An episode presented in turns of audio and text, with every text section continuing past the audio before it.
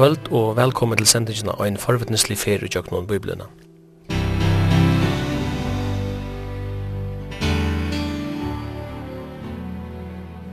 Henda sending er at høyre lintene kvart mykje kvöld klokka 19 og endursent vir frugere 17. part klokka 15.30.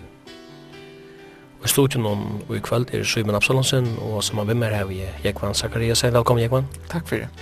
Og Tauro Poulsen er teknikar til åkken. Vi er i kveld kommet til profeten Mika. Virkistøyen tja profeten Mika fettler saman vi søttene og ærene tja Isaias. Kongan er i Rotte og Juta at døven Mika var i Jotam, Akas og Ezekias. Vi tåsa såstat om at tujerskøy fra omlai 640 til omlai 604 Kristus.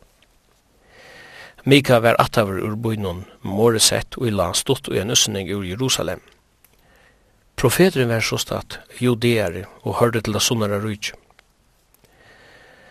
Navnet Mika merker hver er som god. Bautjen teler tjei kapitlar, men annars kan bautjen bøydast opp i trutja parstar. Kapitel 8 og 2 er Guds vittnesbord og anmenningar. Kapitlene 3 til 5 til Daumur og trøst. Og kapitlene 6 og 6 er Guds sorg og Guds nøy. Mika var ugin og sinne tænaste, og han hever ikkje best hosa fyrir Deivon Øyron. Og i Jeremia 26, det vil sia, ått atali etter at Mika var deir, så gja vid at tar eldste i landen myntist framvegist han djarva og eurata profeten ur Moreset. Assyriska herstøkan av norra rujtjennom og undergengren tja hesson rujtje, men eg Mika profetera om i fyrsta kapitlet. Og i kapitel 2 lyser profeten sind folksins men som så mengan sudja vi Guds nøye mitt i öllum dømunum. Kapitel 4 er først og fremst ein spadømur om fria rujtje Messias her. Men òsini i hesson kapitel er profetera om utleggt juda og i Babel. Her er verst at jeg merke til at Babel alls ikkje var noe sterk tjau, ta mika profetera i hetta. Kapitel 5 er om fyrre kom Messias her, og Mika sier òsini hver frelsar skal være føtter. Seinast tvær kapitlan er Luisa, Guds sorg og nøye. Vi sutja som som enkan Guds heilaløyka som avdukar sind, Guds rattvise som dømer sind, og Guds nøye og fjaler sind. Malbunen tja Mika er poetiskur og nøyder han ofta myndir fyrir Luisa avvisar sannleikar. Av samtunni tja Mika høyde folk òsne og Guds trygg og eina durskan, men her som som enka erastegn og sutja vid, Er god sa ikkje nek viru i Jesu godstrykk, av til at gudsstorskan folksins best var lauter. Hette er til en anmenning til allar tøyer om at gudstyrskan er ikkje først og fremst utvarstus, men at god teker allar fyrst at hjärsta menneskjans. Og jeg kan ikke godt hoksa meg spørst, da byrja vi, du kanska byder og ørvis jo opp. Nei, jeg hadde jo nek rekkflja, loik, jeg kanska bare er åringar.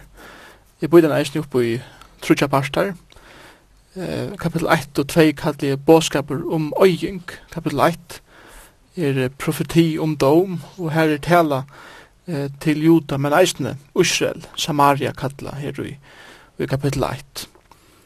Og i øren kapitel her vi grunden av fire domgods, hvor er at domgods for å komme iver følge. Fra 3 til 5 kapitel her, her vi kalla eh, båskaper om øying, og bjarging. Og for det første i kapittel 3, domur iver nuverande religiøsar og politiska leiarar. Og kapittel 4 og 5, det er bjarging og frelsa i framtøyene. Og her, særlig fjore kapittel er så talan om framtøyene, altså enda tøyene, Messias rydtje og så videre. Men eisne om, om fyrre kom Jesus her, hver han skara føtter og så videre. Og, og den tredje iverskriften som uh, jeg bruker er uh, kapittel 6 og 6, og jeg kallar det akæra og frelse, eller frelse, akæra og frelse. Og da jeg sier akæra, så er det akkurat som vi er en domsrume, eller domshøll, god er domaren, Mika er akære, skapanen er vittne og jury, eller domsnevnt, og Jota er hins setje som er saksøkter. Og i kapittel 6, fra vers 1 til 5, har vi så første avkærna, og første attersverige er så fra vers 6 til 8. Annor akæran er så fra vers, vers 9 til vers 16, og i satta kapitlet, og anna attersverige er så fra vers 1 i kapitlet 6 til vers 20, Og så eh, de seneste ørene i bøkene, det er fra vers 11 til 20, og i kjenne kapitlet, er eh, en løsning om endalige frelse og, og bjergjeng iver de som vender vi. Så så er bøyde jeg Mika profet opp. Jeg kan uh, eisne si at jeg forteller hos løsning om Mika. Vi vet ikke så nekk om akkurat personen som så, men vi vet hver han kommer fra. Han kommer ur uh, Moreset, som var nok så nær vi byen Gatt, Og vi kjenner gatt fra eh, Filisteralandet, her som eh, Goliath var, var fra. Omlai 30 km østning fra Jerusalem. Så han var en maver som kom ur en minne, ur en minnebygd. Men han er nok vært i Jerusalem kanskje og predika eh, årgods og domgods. Så man kan godt si at Mika var en bygdamaver som kom til en større by, er predika dongos, så han er en veldig, veldig avvurskan. Jeremias eh, sier til Mika, som du har nevnt, og i kapitel 26, vers 18, at mennesk hos Mika profeterer i.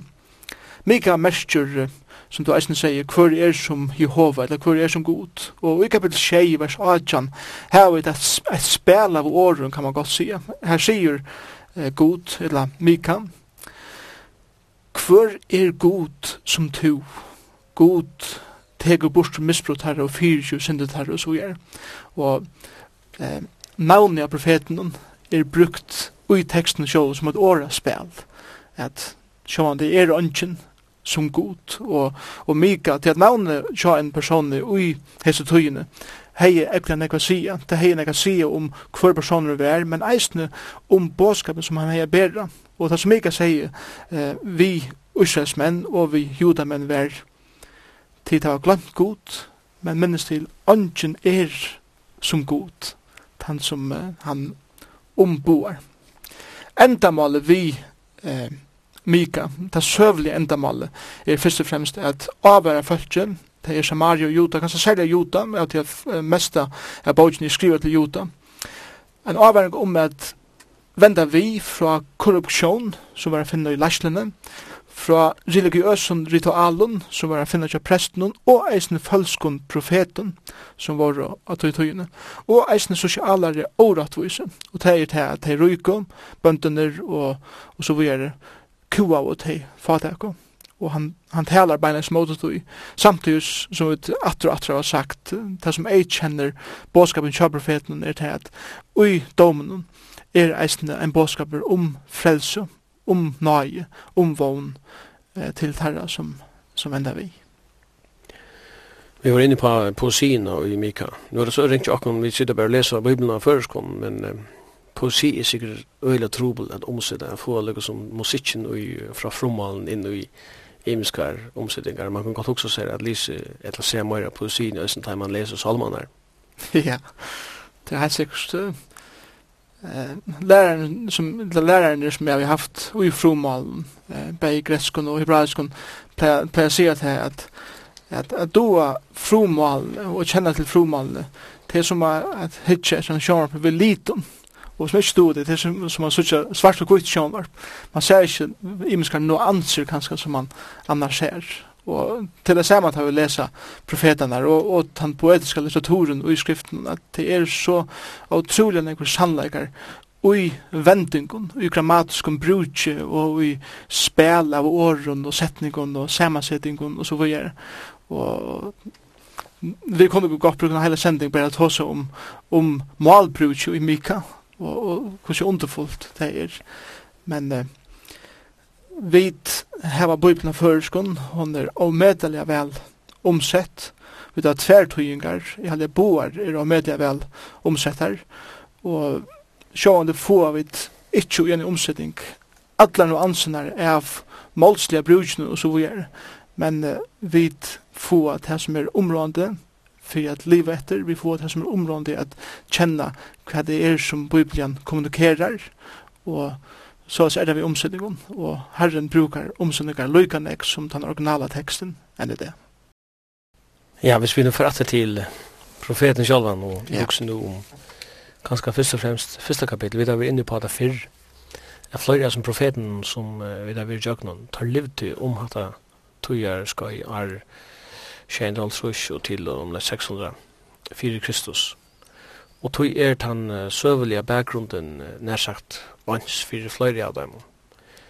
Det var så leis at landet var bort opp i tvei rujtjur, det var til norra rujtjur og til sunnara rujtjur. Og uh, Assyria herja jo at han norra rujtjur, det var vi løsning inne på i sørste sending, da Jonas var sender til den assyriske høvestein inne ved. Og Assyria nærsagt jo til norra rujtjur i øy og fyrde fatsi og i utleggt. Og til profeterar han om her i uh, første kapitlet Mika. Jeg skal uh, gjøre Samaria til grådrygg og stender i vers 6 av marskene. Til sted jeg planta vingar og jeg skal rutla støyne tess om man i delen og leta grunnvedel tess komme fylle oss.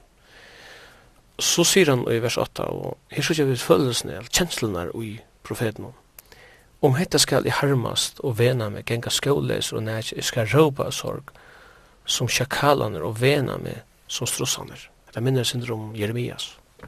Ja. Yeah. Absolutt. Søvla bakgrunnen er, er områdende, som du sier. Vi leser i første verset at, at Mikael levde av døven Jotams, Akasar og Ezekiasar, judakonka. Eh, om vi skulle få eh, nekka av søvlig bakgrunnene, eh, som, som Mikael levde i, så skulle du lese Ære kongabok fra kapittel 15 til 20, som omtaler hans kongarna. Og det gjør kun sjående. Og jeg oppmuntrer eisne lorsan til at tar vi færre jokken profetene at lese de søvlige bakgrunnene, som i hese førende er andre kongabok, 15 til 20, for å lære mer om tøyene som han profeterer i.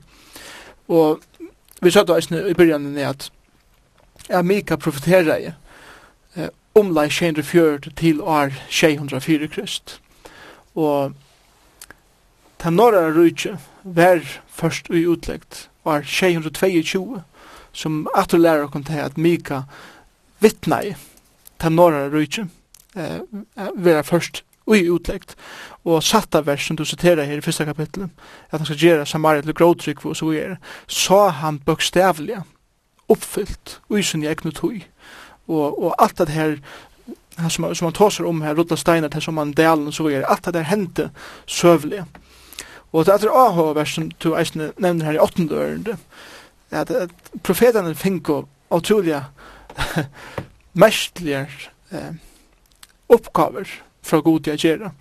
Er genga skåleiser til løms, og genga nægjen, og profetera om folk, at råpa av sorg som sjakalar, som, som eh, som, som høyrast lenga vi, og vena seg som strussur, til geng og bukka seg som, som en strussur sier, til hevur innebore til at det som var sagt skal eisne avspeglast ut hus som ein gjer, og, og folk har lagt merke til da jeg mever hur gynge skåleiser, og nætjen av Jerusalems gøtun, og vena seg, og, og haft uh, kroppsspråk og så videre.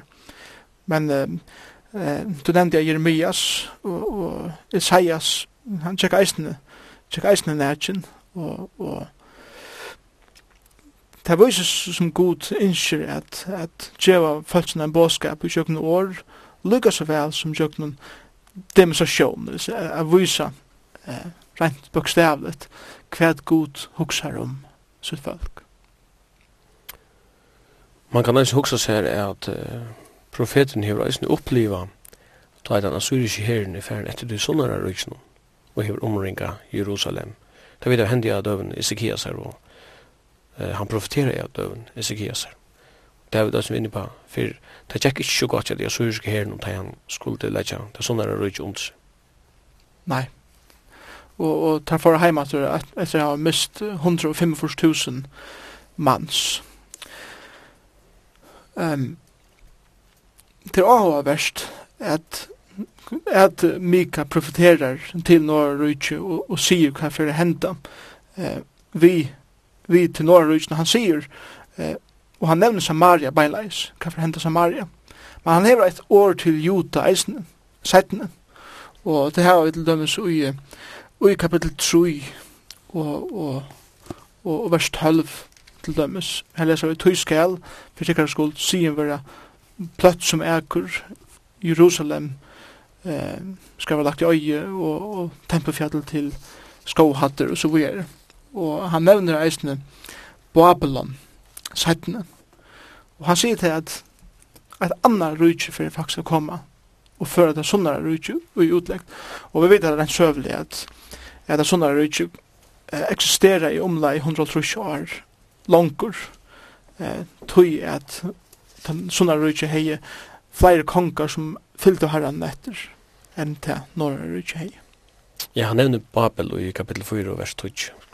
Og Babel til nær sagt eksisterer ikke da han skriver i det her. Så her synes jeg at det er en god som, som ser fram i tøyene. Ja, det er helt sikkert. Og, og til avverst, ja, tar vi det hokk som profeti, så hokk vi det ofte om uh, at til lengt framan för okkara tog. Men profeti er, er, er simpelthen bare det. Det talar ju år gods, det er, det er talar til dagen i dag, og nekva tog uh, som inneber profetiska bådskap er eisen nekka som er sagt som enn ikkje er hent. Uh, stutt tog er messia, så at, at profeten det kan henta i tog togene profeten liv, og Mika sa det, men uh, eisen vi at hitja løysen fram etter, og her hitja vi bare uh, ikkje en gong 200 år fram, inntil Babylon kom, og førte rujt, eller det sunnar rujtje og utlengt, samtidig som Mika eisen profiterer eh, om det som enn for okkom nu 2500 år 18 år, Mika levde til 2600 år 18 år, eh, som enn for okkom ikkje er hent enn. Ta i den assyriske herren for at leipa det sunnar rujtje, eller omringa Jerusalem, så, så leser vi om at han ble slien, det som du har vært inne på til nek vi i mika profeten som tog på at uh, det som hendte av syriska herren ut i sånne ryggen, til å gi ut i sånne ryggen, eller falskan her, en, en eller annan falskan trygglag, at det er nærsak så det er ok, at Arne er god, vi kan bare leva som vi vilja. Ja, altså, altså, altså, åhavverst, at du sier at her, til at tropelagen tja menneskjen er til at jeg vet halte at ta vi, ta gongu godt, så kan jeg leve akkurat som jeg vil, tog at god er fyr i okkom, og så kalla det så. Og det var fullkommen misforståelse som, som uh, judafolk heie, og til oververst eisen i Uyesebogene at, at mega finnes det at taimon politiske leierne ut til sånne røyken for å være korrupter. Men han nevner ankan til kanskjen for å være korrupten. Og tog jeg vi vite det at eh, Eskias var en konkur som Jack etter lovharrans, han var en konkur som yngste, at han fylgje harran etter. Og tog hever, hever Mika som så ikke år beint til kongen, men heldur til eh, hans er starfelager og så videre.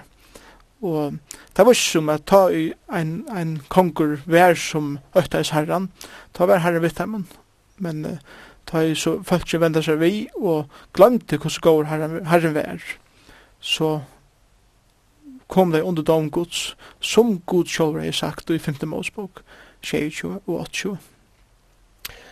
Mika, han forteller unga senne, bøgnløys hva respons han fikk oppa sin bådskap, men uh, vi var inne på det, at uh, et atall i atana, ta er det profeteren Jeremias profeterar, Og her er en henting i Jeremias, kapitel 26, hver Jeremias fyrir ut og talar over herrans og Jerusalem. Og følte seg henta her til han vet ikke høyre på han. mauren profeterar med det som boi, altså, hvor skal si, altså, at han, at han våa seg, og han blir omringaver, og han blir tidsin, og han får vite at nu skal til leda loiv. Og Jeremias sier, ja, det kan gjøre vi med hva det vilja, men eh, om til drepa meg, så skulle de bara vita jeg, at att tidrea eh blå at säklast blå i vid ikon og under alla sånn er det fremvis år herrens i hotell ta er det negra av de äldste i landet som säger ta jeg bøyer nå, vi minnast en profet som er Mika som profeterer akkurat på samme måte av døven Ezekias kongs. Og Ezekias tog ikke å drepe henne profeten. Tvørst med at han lortet i etter og følte seg vendig om. Så her, et, atta, et atterlig attana, så taler jeg Mika framvis. ja, og han taler enn i det. Og, og jeg tror at akkurat tøy er ikke nek for annerleis enn tøyen vær ikke folk som, som, som levde og bæg Mika så tøy og eisen Jeremias tøy og så vi videre. At jeg måtte vite eisen last søvlig, jeg måtte vite last av søv og ikke bare just som om feilen atter og atter, men jeg hittir etter søve hva hente eh, som østlid av antal røtten avgjøren som var teknar, etla skaivan avgjøren som var teknar. Og vi har nekk dømer eh, nu tjokken 2000 år at teka fra, men sjå det er så langt rett enn det, og lukka alltid til Mika profet. Og, og, og Mika profet lærer meg som en, eh, en mann som ber året fram og i følgende det at det som god legger mer i hjertet tala, det er det som er tala, lyga mykje, hva folk sier. Så jeg vil må først og fremst være åre gods løyen, lyga mykje hva det kommer at koste okkur.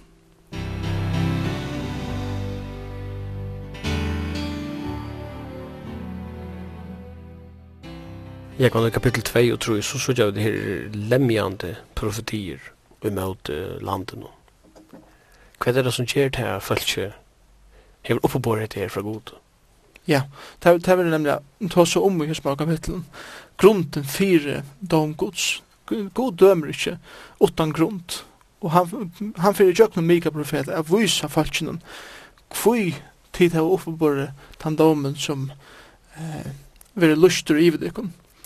Vi kan lesa fra første øren, det er jo kapitlet. Veit heimen og hugsa upp året og hava illt i hoa men tar litja av levesyn så det som man sier her er ta der er færne sjong om kveldene litja der og huksa om hvordan der kunne svika og bedrya samtidig som der huksa om hva der kunne gjerra fyrir at gjerra så illt som møvlet i motor minnelodene og i samfunnet og så videre Og god sier, av til hatt er kjent ekra løy, så skulle tid få domen. Og jeg også nemlig om uh, rombrevet 12 og 18, her sier Paulus vi Romverger, så lengt som det tekken stender, halde fri vi at folk. Måtte vi last at om vi litt litje okkara leva i sång om kvaldanar og hukse om hvordan vi kunne snuite på dria, hvordan vi kunne øya folk og så vi er, så, så standa vi lika som Ísraels folk stendur, her for, for gode. Og et annet som sutje er, det er hvordan de oppfører seg mot kvinnen og bøtten, nødvendig øren i øren kapitlet. Kvinner folksmunns reka titt ut ur husen som var gledet terra. altså husen var gledet terra. Fra småbøtten terra teka titt tei, vi ötlen prøy, og jeg har givet heimen. Så, så, så kvinner og bøtten vera blæka i husen, kvinner og bøten vera tidsin fra hver nøren, og i hese korrupsjonen som, som hender i landene. Og vi leser i, i etlende og ørende, kom ein vid tomen åren, og svitje og likn og seie, jeg skal prædika fyrt her om vun og sterskan drink. Han er høska til at prædika fyrt hese falskje. Så det som man sier her til at falskje vil høyra, eh, eller vil ikkje høyra årgods, men vil heldre høyra søver om sterskan drink og, og vun og så videre. Eh, som, som ligger til heimen nærre og hjärsta, så det er korrupt fullkomliga innan og ifra. Ta vi kommer ut i tredje kapittel, så er det eisen sosialan året. Her sier mika tid og i heta hitt gåa og elska hitt ytla. Vi alla skinni av falki og kjöti av beinen tarra. Tid og eta kjöti av falki munnen. Alla skinni av taimun. såra beinen sundur taimun. og stitja det sundur eins og i pott som kjøt av panna og så videre. Det er en myndelig tale sjående om hva det er som det gjerra vi folk. At det skria folk sundur og i sunne korruptheit. Og her, her taler han til, til leieren der. Og han viser eisen i etlende ørende i, i tre kapitlet om hvordan høvdingar er korrupter. Høvdingar tess døma fyrir gavu. Og han nevner, som jeg nevnte Jan, han nevner ikke kongen, bare høvdingarna. Og vi leser eisne om at det er religiøser eh, åtroskap mot gode. Prestar tess læra fyrir løn. Nu tror jeg ikke alle usjonsere få løn fyrir læra, men det som man sier her er at grunden fyrir tar læra til bæra fyrir få eh, så nek som møller på sjurdu. Det er ikke så opptrykkning vi hva det er som det læra som eh, kan det få til fyrir. Og somleis peikar han av profetanar. Eh, og profetar tess spua fyrir pening. Og så korsene løyta her av herran og sia, er ikkje herren mitt i middelen okkon, angen vannlokka kjemur av okkon. Vi ørnåren, Mika sier at, at dette er falske profeter. Dette er profeter som prædikar det som konger, eller ikke konger, men, men høvdingarna og falske vil høyra at her er alt leir som det vel til, og ikke øttas fire, og så videre. Og, og det gjør det til at jeg får pening for å bære en skreivan båskap fram. Men uh, Mika viser at at det er alt korrupt, at det er, er lengt av lei, at det er ikke vi samleikene gjøre, at det er religiøs ritualer, at det er sosialt årettvise, og at det er uh, politisk korruptheit viser han av. Og tøy er det at domer gods kommer i deg. Og i fjorda kapittel vers, vers 20 leser vi om at, at det sånne er ikke skal være først og i utleggt. Babel vi er nevnt her. Og her sier han at her skal du være bjarga, her skal Herren løysa til ur hånden fortjenta tøyna så ikkje best profeterer Mika her at Tisla var ført i utleggt, men han sier eisene, og Tisla var bjerga i ur utleggt nøyattur og var ført heim ut i egna land. Eina frem. Så man kan si, han profeterer lengt fram i tøyina. Han profeterer lengt fram i tøyina, ja. Da vi kommer til uh, ur kapitel 3, så kommer vi til kapitel 4, så ser man at uh, nu fyrir han iver til at uh, profetera om Messias rujt, som ligger rettelig lengt fram i tøyen. Men kapittel 18, kapittel 5, tåsar om fyrre kom Jesus er altså Jesu føying. Det kan undra okken nekv, det vet, sitte og lese om sånne profet, at uh, man kan også se kronologien, hon er enda vent. Ja, men jeg hadde til tøy at vi kommer uh, til Bibelen, vi okkara vesturlenska, rationella, systematiska huksnarhåttet. Huxnarhotten tja en hebreara, og tja en esterlendin tja hela tidsin, vær ikkje kronologiskur eh, og så rationeller som okkar er. Han, han var nekk meira poetiskur, og han sa eh, en heldarmynd, sjálft om ikkje var samansett kronologisk, som vi ville hava han i det.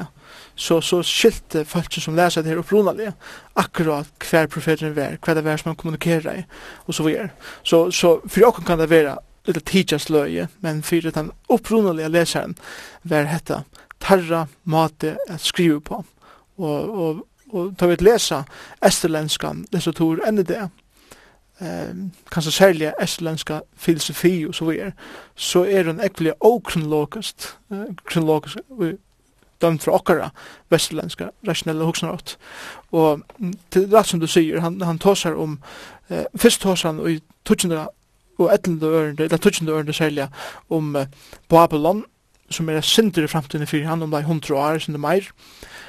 Uh, så er han i etlende tølte ørende, og så vujer i fjorda kapitlet, for han til Messias er ikke, som enn er framtid fra okkara perspektivet i det. Så ta i Herre Jesus Kristus for å komme atter og grunda seg så ikke her jeg gjør. Og så knapplig nå i 5. kapitlet for å bakka bom 2000 år atter atter eller Hvordan langt det være? Det vet vi så ikke. Men atter til Jesu føying, som fra hans perspektiv enn vær omlai 600 år. Så til rett, til okronologisk, men lukkavel så er en helda min her som passar fullkomlig saman. Ja, du nevner at jeg skriva av personer som levde jo nere mentan, som la rattelig fjerst fra okkara nuvarande hugsunar. Men så er det som kanskje verst at leggja til at, at skriften er jo innblåst av en god som för honom är tusen år som en dag och en dag är som tusen år. Han är ju tio läser. Det är också om hans här existens. Alfa och omega. Ja ja det är helt säkert och och vi ser ikke til at Bibelen slett ikke skriver eh, kronologisk, det er ikke det som vi sier, men eh, tar, tar, tar vi Paulus til dømes og, og, og kommer i en annan kultur og en ære hoksan, så, så er Paulus meira, meira systematisk kanskje enn profetene våre. Og da vi leser Samuelsbøkene og så er det søvelige bøker av til at der viser søv gongtene i Israel og så videre. Så där är det mer kronologiska. Men nu är vi i profetisk och poetisk litteratur och och och här har går så god valt att kommunikere till okkara. Og i sin inblåsta år av hendan hatt. Så heter inblåsta god igen Ja.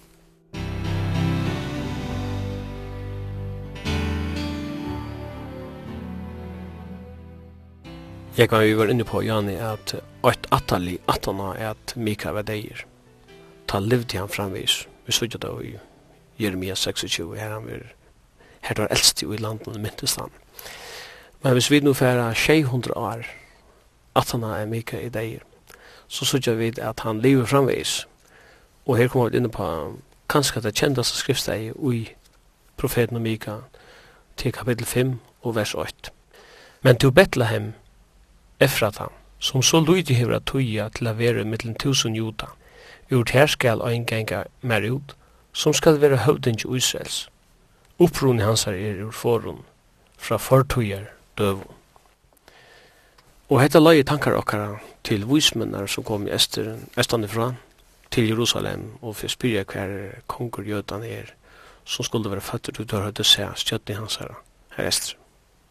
Ja, til, til at det er eit av kjenda seg ørende i Mika, og eisne eit eit av dem ørende som menga vil sitera, eh, særlig da vi kom inn i jólamanan, og så videre, om Jesu føying.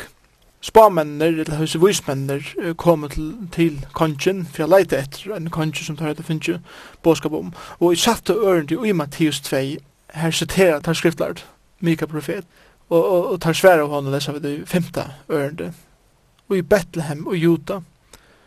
Tu så er skriva vi profeten, her skriver det til Mika, til Bethlehem og Judalandet, Anki er tu i minst av høytningen Juda, tu gjort her skal komme høytningen som skal være hire, Israels, folksmøyns.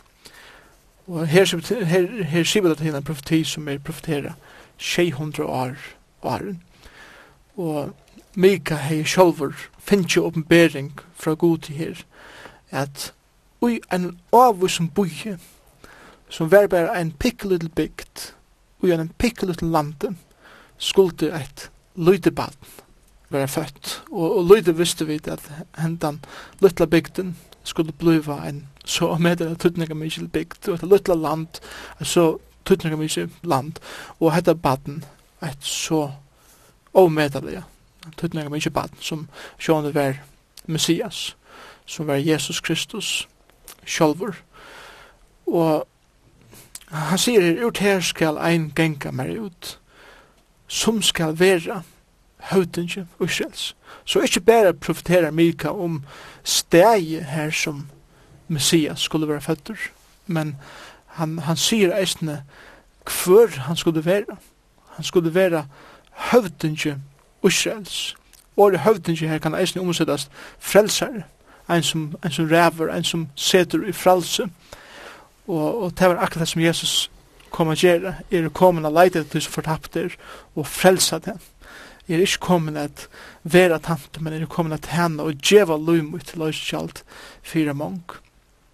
Så sier Mika Eisen etter træet i første verset, opproni hans her er forum fra forstøyer døven. Og her talar Mika om evenleika, Kristus er. At, at ordene som er brukt her forum og forst her døven, er ikke, sier bare ikke til at, at for nekven og åren søyen var han angstander, eller nekka. Men at sier bare til at hesen som føtter skal være i Bethlehem, som skal være høvdingen, Israels og uh, høvdingen til ødlen heimen, han er avgjør, han er kommet fra avgjør, han skal være til allar ever. Han er onga byrjan, han er onga enda. Han, vi ørnur, han sier han er god sjolver, til god hever onga byrjan og onga enda. Så, så hadde han underfullt profeti som, som Mikael gjør okken er om Jesus Kristus som var søvelige føtter i Bethlehem som eh, søvelige døy av krossen og reis oppadur og er frelser i heimsins i det og som eisne uttøy hur prekva til at han er god. Han er fra evnen til evener. Han er alfa og omega. Så heter er underfullt profeti som vi eisne i følgende det kunne njota.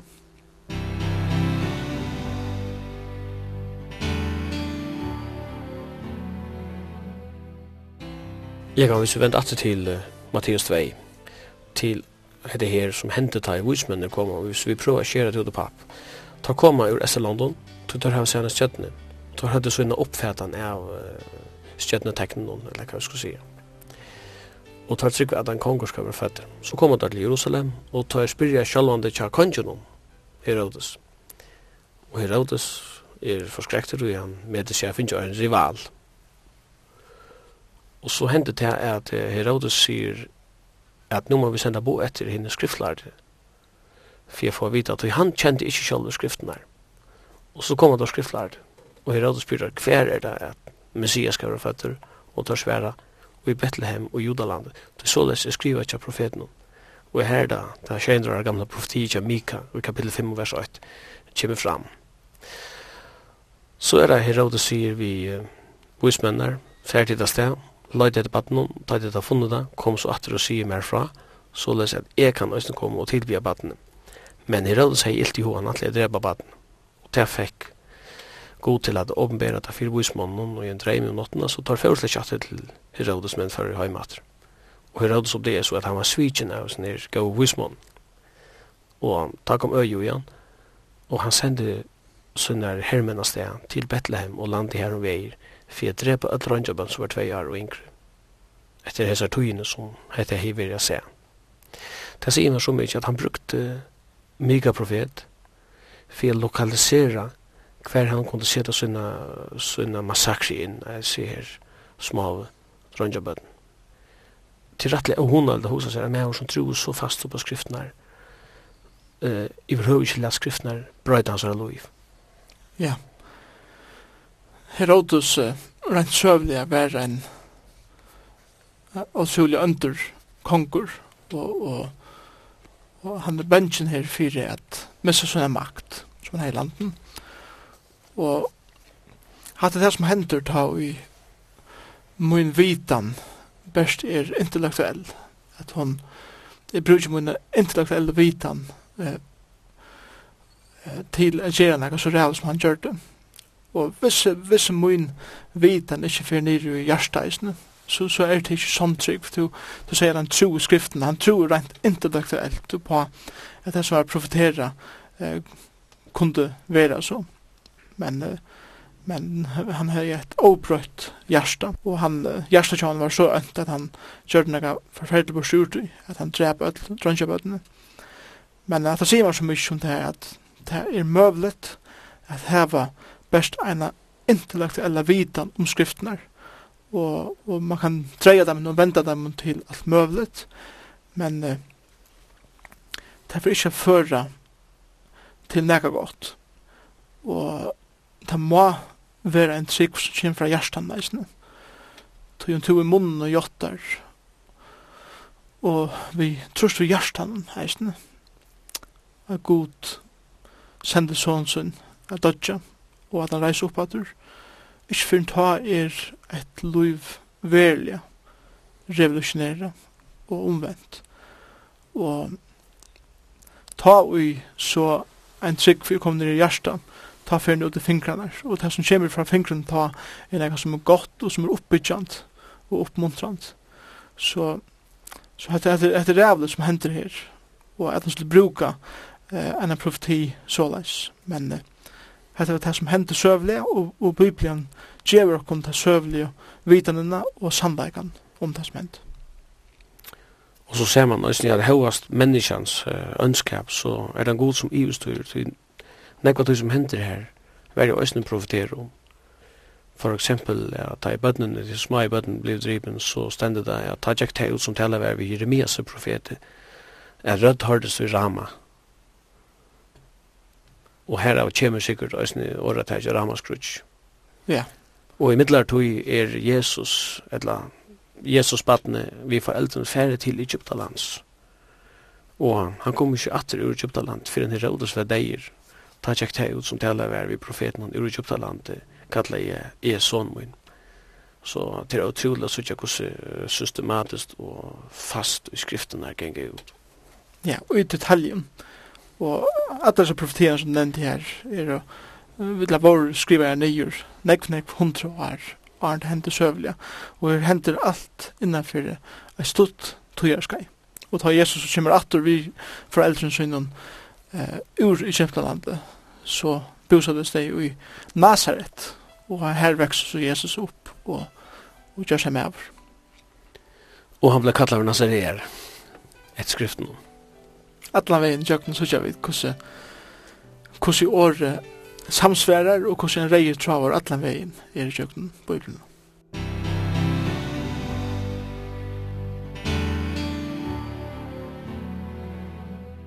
Ja, hvis vi nu slipper kapitel 5 i Mika og fer i tvara sørste kapitlene, Det er kapitlene 6 og 6. Så sørger vi selv i kapitel 6 er at her sørger vi god sorg i tilstanden og i landet nå. Ja. Jeg har sjåver bøyt opp som en akherre og i sørgen. God sider som domare, Mika sider som akherre og skapanen er vittne eller domsnevnt og jude i hennes hetje. Og satt kapitel byrja vi i sånne åren høyre hva herren sier, så han råpa folk om han lorsta, reis til, etter en rattar seg, seg nu, ber søkt henne fram fyrir fjöllene, let hedjanar høyre rødt henne, høyre søk herrens til fjöll, i etten tid er vi grunnlettlar gjerrenar.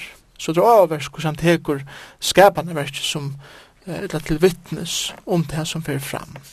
Toi herren hever søk mot folksunnen, han gonger til doms vi Israel. Så viser han, og han sier vi folk så ut. Minnest hvordan jeg har lett ikon, minnest hva jeg har gjort fyrir ikon, og allugavel, allugavel har jeg vent mer bedje. Og Mika sværa så attor som, som han akar i her. Og han sier i satte ørende, vi kvarjon skal stuja framfyrir herran, bodja med nyer fyrir goti og hattene, så hans en spurningur som han nu spyr. Hva, hva skal jeg gjere fyrir at kunna koma framfyrir herran? Herran? Og nu får han vise ui ui som for, nu får han sige hva Gud ikke vil heva. Og etter en retorisk spurningur. Skal jeg stå fram fyrir han vi brenner offren, vi vetringun, man herran og lyga vegrar i tusentale, oljeløkjer i tusentusentale, skal jeg leta hinn frumborna mun fyrir misbrud mot, livsfrukt muna som sinda offer fyrir salmuna, Og sverre her er sjående, nei, god skøyde seg om at her. Og hans er avverst, det som Mikael sier her, det han sier, skal jeg stuja framfyr herran vi brenni i. Det er alt eksternt, det er alt nega som er åttana. Skal jeg uh, stuja framfyr herran vi vetringon, beste av, av min krujaturen. Man herran lukka vekkrar i, i tusendatali, eller oljeløgjer i tusendatali, alt det var brukt i, i tempelen, ja, offra til herran vi, og så videre. Og, og det som han sier her er at god skøytes det ikke om okkara utvorstes ritualer. Han vil hava et hjärsta som er løye i for god. Og det er det som god eisen sier vi, vi Saul, eh, da han var god i avløyen, at jeg skøyde ikke om brenneoffer, om alle så offringer som kommer vi, jeg vil hava løytene. Og, og han, at, at læra okkon et anna her, kos lengt ussesmenn og judamenn er farne fra gode. Han sier, skal jeg lete him fromborna mun fyrir misbrot mut, løvsfrukt muna som sindoffer fyrir salmun. Og her har vi bokstavlega offring av bøtnum, som, som var ein, ein haien avgrudiskan, at bøtten var oppoffra i. Så lengt nye var uskjell kom i sunne ja, sine, sine religiøse ritualen og så videre. Så lengt var en vidjen fra Gode, og God sier, Jørgen Mika, jeg skøyt ikke om at her, jeg vil ikke heva at her fra dere. Og så ser vi i åttende ørende, hva det er som God vil heva. Han hever åpenbæret her menneska hva godt det er. Hva annet krever, krever Herren av her enn at du skal gjøre for det første ratt, fegin vysa kærleika, og livet eimjukt fyrir god og tøyna. Hatt er det som god innskjur fyrst og fremst av sin fölkje. Jeg innskjur at jeg skulle gjøre det som er rett. Og hatt er et liv i rettvise, at, at færa fram rent sosialt og menneskelige og gjøre det som rett er. Ikke at rena kvinnerne ur heimen der, eller at rena bøttene fra heimen, eller at underkua til, til fatak og så er, men at liva rettvist og gjøre det som rett, er. For anna, fegin av vysa kærleika, at året kærleika kan eisne eh, omsettast nøye. Og god ønsker at vi skulle vysa menneskjen nøye, og leva liv vi kærleika. Og så gjerne at livet er mjukt fyrir godetøynen. God heta stoltleika, men han elskar et eimjukt hjärsta. Og God sier at det som er hitje etter er einon som bodgjsunne knø fyrir mer, jottar mer som harrusunne løyve, og liver et eimjukt løyve som jeg kjennes det av, undergivne som jeg kjennes det av, uh, jeg mjukleika i fri asjon gods. Så hatt det som god innskjer av falsksynen, tog jeg han har gjort så med den ekvir deg. Han har bjergat dem ur Egyptaland, han har bjergat dem i tjøkkenen, så, så nek imest. Og korsen har falsksynet vent, det har Israel vent gode bætje, og god sier simpelthen, vend atur til det som jeg har kallat deg til, at loiv i rattvise, at loiv i kærleika og nøye, og at loiv i eimjukleika. Og så vi er i kapittel 6, så er ånder og herren, rødt herrens, råpar av stegen, og etter visdom hikker navnt ut, høyre straffna, og, og hver vi hever avsett henne. Og så gong det avfram, såleis. Og så sverar han atur i kjenda kapitlet. Og første året som, som han brukar er Vaimer. Og det minner meg av Isaias profet, at han er seg i, i, i satta kapitlet, han er seg god opplyttan i tempelen. Og det han ser seg sjølvan i ljósene av hvor god er, og hvordan underfotler og, og, og veldig og rettviser og nøyger Nå er god er, så sier han, vei mer til at til ute vi mer, er med vår, vi årene verden, og jeg bygger mitt mittenfalk vi årene verden, og så vi er. Og det er samme som Mika sier her, vei mer, til mer hever gingest, som til avvoksen i sauna vår, om sommare, og til etter hentingen atana av vinhest i liv. Ikke vimper at eta, ikke fika, som salmen damer. Ønsk, er, jeg vil ikke jeg bedre frem for god. Jeg vil ongan, jeg vil ikke verje meg for å kjenne gods. Og tog sier jeg bare, hva er mer, og heter en kapittel som begynner vi eh, at han bodger seg for å kjenne gods, og sier at jeg sørger hver er i ferien skreft. Og de som øttes god er horven ur landen, ikke menneska, er sandåra. Öll som lurer til etter blå, hver med å røyner at få bror sin og eh, gaten sutt og så videre. Han lyser overatvisene som, som, som det er, og han sier bare den vei mer, til ute ved mer. Kan det hugsa seg, Mika, ta han sier at det er vei mer, at han og på en eller annen måte identifiserer seg vi alle tjåene? Ja, absolutt. Jeg hadde tatt hitje etter ødelen godsmann og i bøybene. Jeg husker lukka fra Moses, og jeg husker om uh, David, jeg husker om Nehemias, Esra, jeg husker om Daniel profet, og hina profetene tar alla tøyna identifiserar sjálvar vi falki at jeg har syndemot til her god jeg bygg mig til folk som har syndemot til her og så videre og jeg tykker at at at at lærer kunne en den sannleik at om jeg skal ui fyrjum vera en mavur som ei mykje med fri asjon gods, så kan ikke skje vi god, god, hikk hos hinne kikka seg, og i ljósna hos vel er kikki mer, men jeg må sige, god, jeg er akra lykka, Jeg har ikke oppebøren hekka, jeg er maver som er sindyr, og jeg er mer tørver sjolvun kvante jeg kom og jeg som er fyrir avkjøntun, og så veis må vi identifisere okkur vi okkara folk, og råpa til Herren om nøy. Vi sutja her, du var inne på at folk tar godstyrs kan være åttana, utvarsis, Og jeg har tog som et her, er det en vegledje ut i menneskelig naturen, eller en tendenser at hon hevur lagt vi a bytja sina framhøyt og ting og handlingar som man gjer heldur enn av et livande hjerteforhold og god. Ja, og jeg tror grunden er han at vi legger så stor en dent at det som vi suttja eller at det som vi rent rationalistisk skilja. Og, og god er så á møyla lengt om man fyrir det og ta i les og Johanne med det her eh, mann eh, gode lyka vekkrar i tusentallet, oljeløyger i tusentallet, mann han lyka brenni offer og vetsingar og så videre. Og hatt er alt materiell ting og, og stora nøkter som han nevner her. Og menn kan ha vidt ho at døme okkar andalega løyf eisne etter Hygg alt, hygg etter ötten som han gjer, hygg etter hvordan nekva tøymer han brukar ui arbeid, hygg etter hvordan, hvordan lunge hadde her vera i, hygg etter uh, hvordan nekva han gav, vidla, hygg etter hva han er veri, hygg etter hva han snakka i vi, og så veri, og så ikke at det er med sjolven, er at menn kan hava i ho a døma akkurat lykka som hender her, at jeg sitter prys på nekka som ser størst ut, men det er ikke ens betøyende vi at mitt hjärsta är rätt för gode. Jag kan gå bruka några tog at at arbeida eh fyra gat heller jag kan gå bruka tog til at tala meg lenka taler så vidare men folk sier at fantastiskt men god sier hver er hjärsta hvordan ser hjärsta kjøttet ut Livet er rattvist. Er du nøyrugur kærlagsfullar, Er du eimjugur, og det er det som god hikker etter.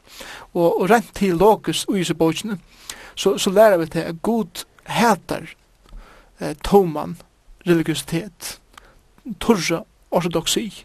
God vil ikke ha vi til at gjøre, han er ser av utøy.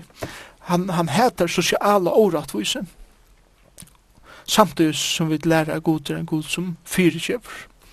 Og til en underfull god vi hava, men vi hava en god som ser bænt og jøkken nok. Det som vi mengas er det prys på, sier god at hatta er ikke verst for meg. Du kan akkurat se meg ikke gjøre, så jeg hjertet ikke er rett. Og en dag skal jeg stande framfor gode, og mine vers skulle være rønt ved elde, og jeg er bensje for jeg til nek som for jeg brenner borster, og kanskje løyte som kommer velja jeg standa etter. Og ta er det at jeg har så omedelig bruk for det, nøye gods, som eisen ljøver, jeg ser det nå til å komme til kjente kapitlet. Ja, det er sørste kapittel, og de fleste profetene er tar, selv om de er herre, så enda de fleste profetene vi er nedkiltere ved ham, og Mika er ikke undertag og så måte. Nei, det er helt sikkert.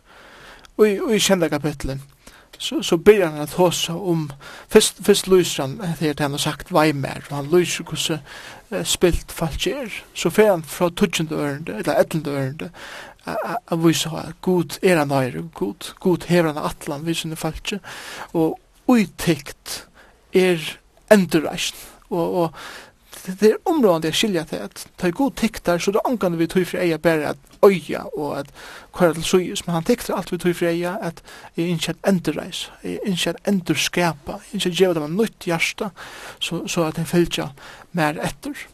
Og vi sørger til dømes, og i agent ørende, at god er en fyregivande nage over god. Her sier han, hver er god som to, god som teker bort mistbrott herre, og fyregiver synd herre, eh, og i etter er av arve hans herre. Han går med ikke at det er av vrei søgna, til han hever hov at visa nage. God er en heilaver god, god er en rattvis god, og vrei hans er vil helt om han iver sint og rattvis. Ja. Men uttøy er han en god som fyrirgjevur, som vis nage, og som tekur misbrot tarra bostur som venda seg til god.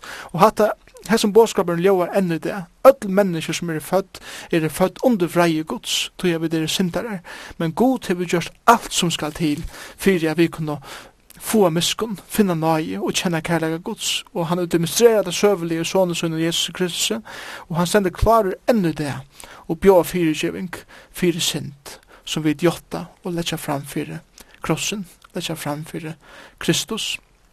Vi lærer eisne jo i kjenda ørende at han er en god som endeløyser i kraftsynet, nøyjende ørende og i, i kapitlen eh, sier såleis, han skal atter miskunna okkom, han skal trakka nyer misbrot okkara, og du skal kasta alla syndut herra i djup hausens, og at det er mynda på at, at Gud skal endurreisa, han skal, han skal trakka det unda bostur og teka det goa og letta det upp, og han skal kasta syndut herra i djup hausens, og hatt det er mynd, mynda tala på at han skal færa så lengt fra han, han skal omkant og sutja det atur. Og så lærer det eisne i det seneste ørende i hese bok, mika bok, 20 ørende i kjente kapitlet, at god er en god som heldur sottmala sin, heldur årsut. Tu skal vise Jakob i trofesten, Abraham i nage, som tu vi eie hever lova fedsen okkara i fått noen døvun. Og her sier han sjåan det atter til første Mosebok kapitel 12, og så fyllt seg kapitlene til han berger sottmala i Abraham, Isak og Jakob, at jeg skal gjøre sottmala du skal være siknavur, folk du skal være sikna, og i tær skulle alle atter gjerne være siknaer. Og tær, tær være oppfyllt, og ver, ver enda oppfyllt i det, og i Jesus Kristus. så er Jesus kom av Abraham, alle tjóra heimsen skulle være siknaer, tog jeg Kristus døy av, av krossene for alle mennesker, og, og han sier her at du er trofast, eitun heldur du, god heldur handan egen og hesa trofestene enn i det. Og hon, vi kunne vi kunne tala henne og råpa henne ut i okkar land igjen i det. God er trofastur, og han heldur årsøyt, og han stender vi årsøyt. Jeg frelser er for de som vender vi, men eisen er et, et evigt fortapelse er for de som vender god og bætje, og som ikke vil ha laga vi han at gjøre. Jeg kan helt aller. Vi vet at årgods taverer i allar æver og årene til profeten Mika er jo rundt over årgods. Det var livande, og det tala i et atterlig at han er at Mika var deir. 600 år etter Mika var deir, det var året hans er fremvis livande, det tala i, det i vismennu kom i Øst-London, og enda det så talar eh, profeten Mika. Men jeg kunne huske meg spørsmål aller sørst, hva er så jeg vet, helt konkret, Kristus i Mika-bok? Ja, jeg, jeg hadde vidt av langt å ta seg om Kristus i, i Mika-bok. Vi har langt sima til sjående profetina i femte kapitlet at Betlehem var steg hver Kristus eh, skulle være fødder, det hendte søvelige, 200 år sjettene. Eh, han skal være høvdunge Israels som eh, i det er en mynd av Kristus i frelsar heimsins, men eisne i framtiden at han skal være høvdingen, han skal være at han som sitter av tronene i Jerusalem og skal eh, døma henne heim i rattvise, som vi leser selja fra oppenberingen 1920. Og vi da eisne ser at han er fra forum, det er han er fra evnen som farnar er, han er god, og han er alfa og omega, han skal være i alder og allar hever. Og i fjorda kapittel vers 2 leser vi eisne om dette rydje som Kristus skal, skal grunda. Her, her leser vi, kom og lær dere fære nian av fjallherrans til hus Jakobs gods, så han kan lære okkom veier synar, og vi kunne genka leier hans her, tog jeg Sion skal åpenberingen gå ut, og år herrans ur Jerusalem, og det talar om framtøyna, om rydje, ta og Kristus skal vera konkur i Jerusalem, og menneskene skulle streyma til Kristus for at for at være sammen med honom. Eh, og her var han sum lyster som, som god Jakobs. Og i tre øren i førre kapitlet leser vi om Kristus som domare, som skal døme i rattvise. Han skal døme med til mange folk og skifte ratt med til veldig folkaslum, lukka til land langst borster, Og så er det her, at det, at det er et øyla kjent vers og i Mika, som sier bare til framtida rujtje.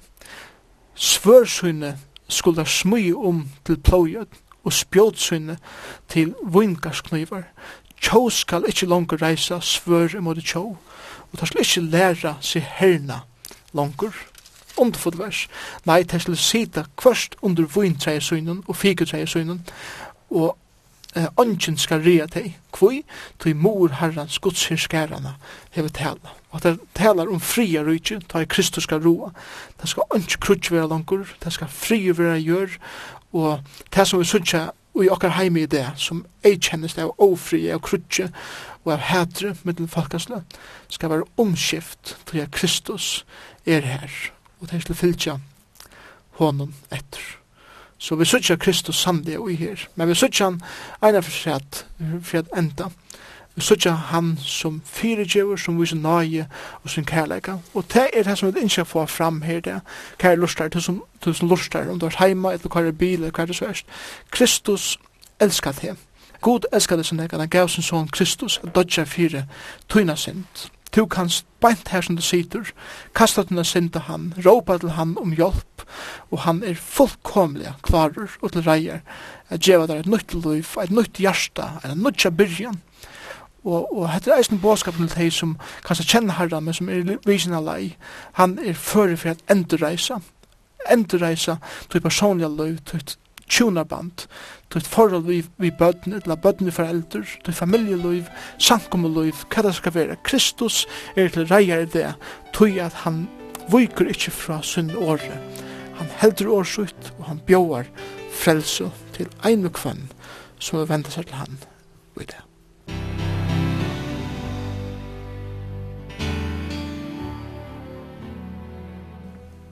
Og vi hesson åren så færer vi det at takka fyrir okkon ur lendin i kvöld. Jeg skal til sørst sige fra at henda sendingen ein forvittneslig fyrirjøkken biblina er at høyre lendin i kvart mykje kvöld klokka 19. Og studien var Simon Absalonsen og Jekman Zakariasen for takka Jekman og Østne Tore Poulsen som var tekniker. Takk fyrir.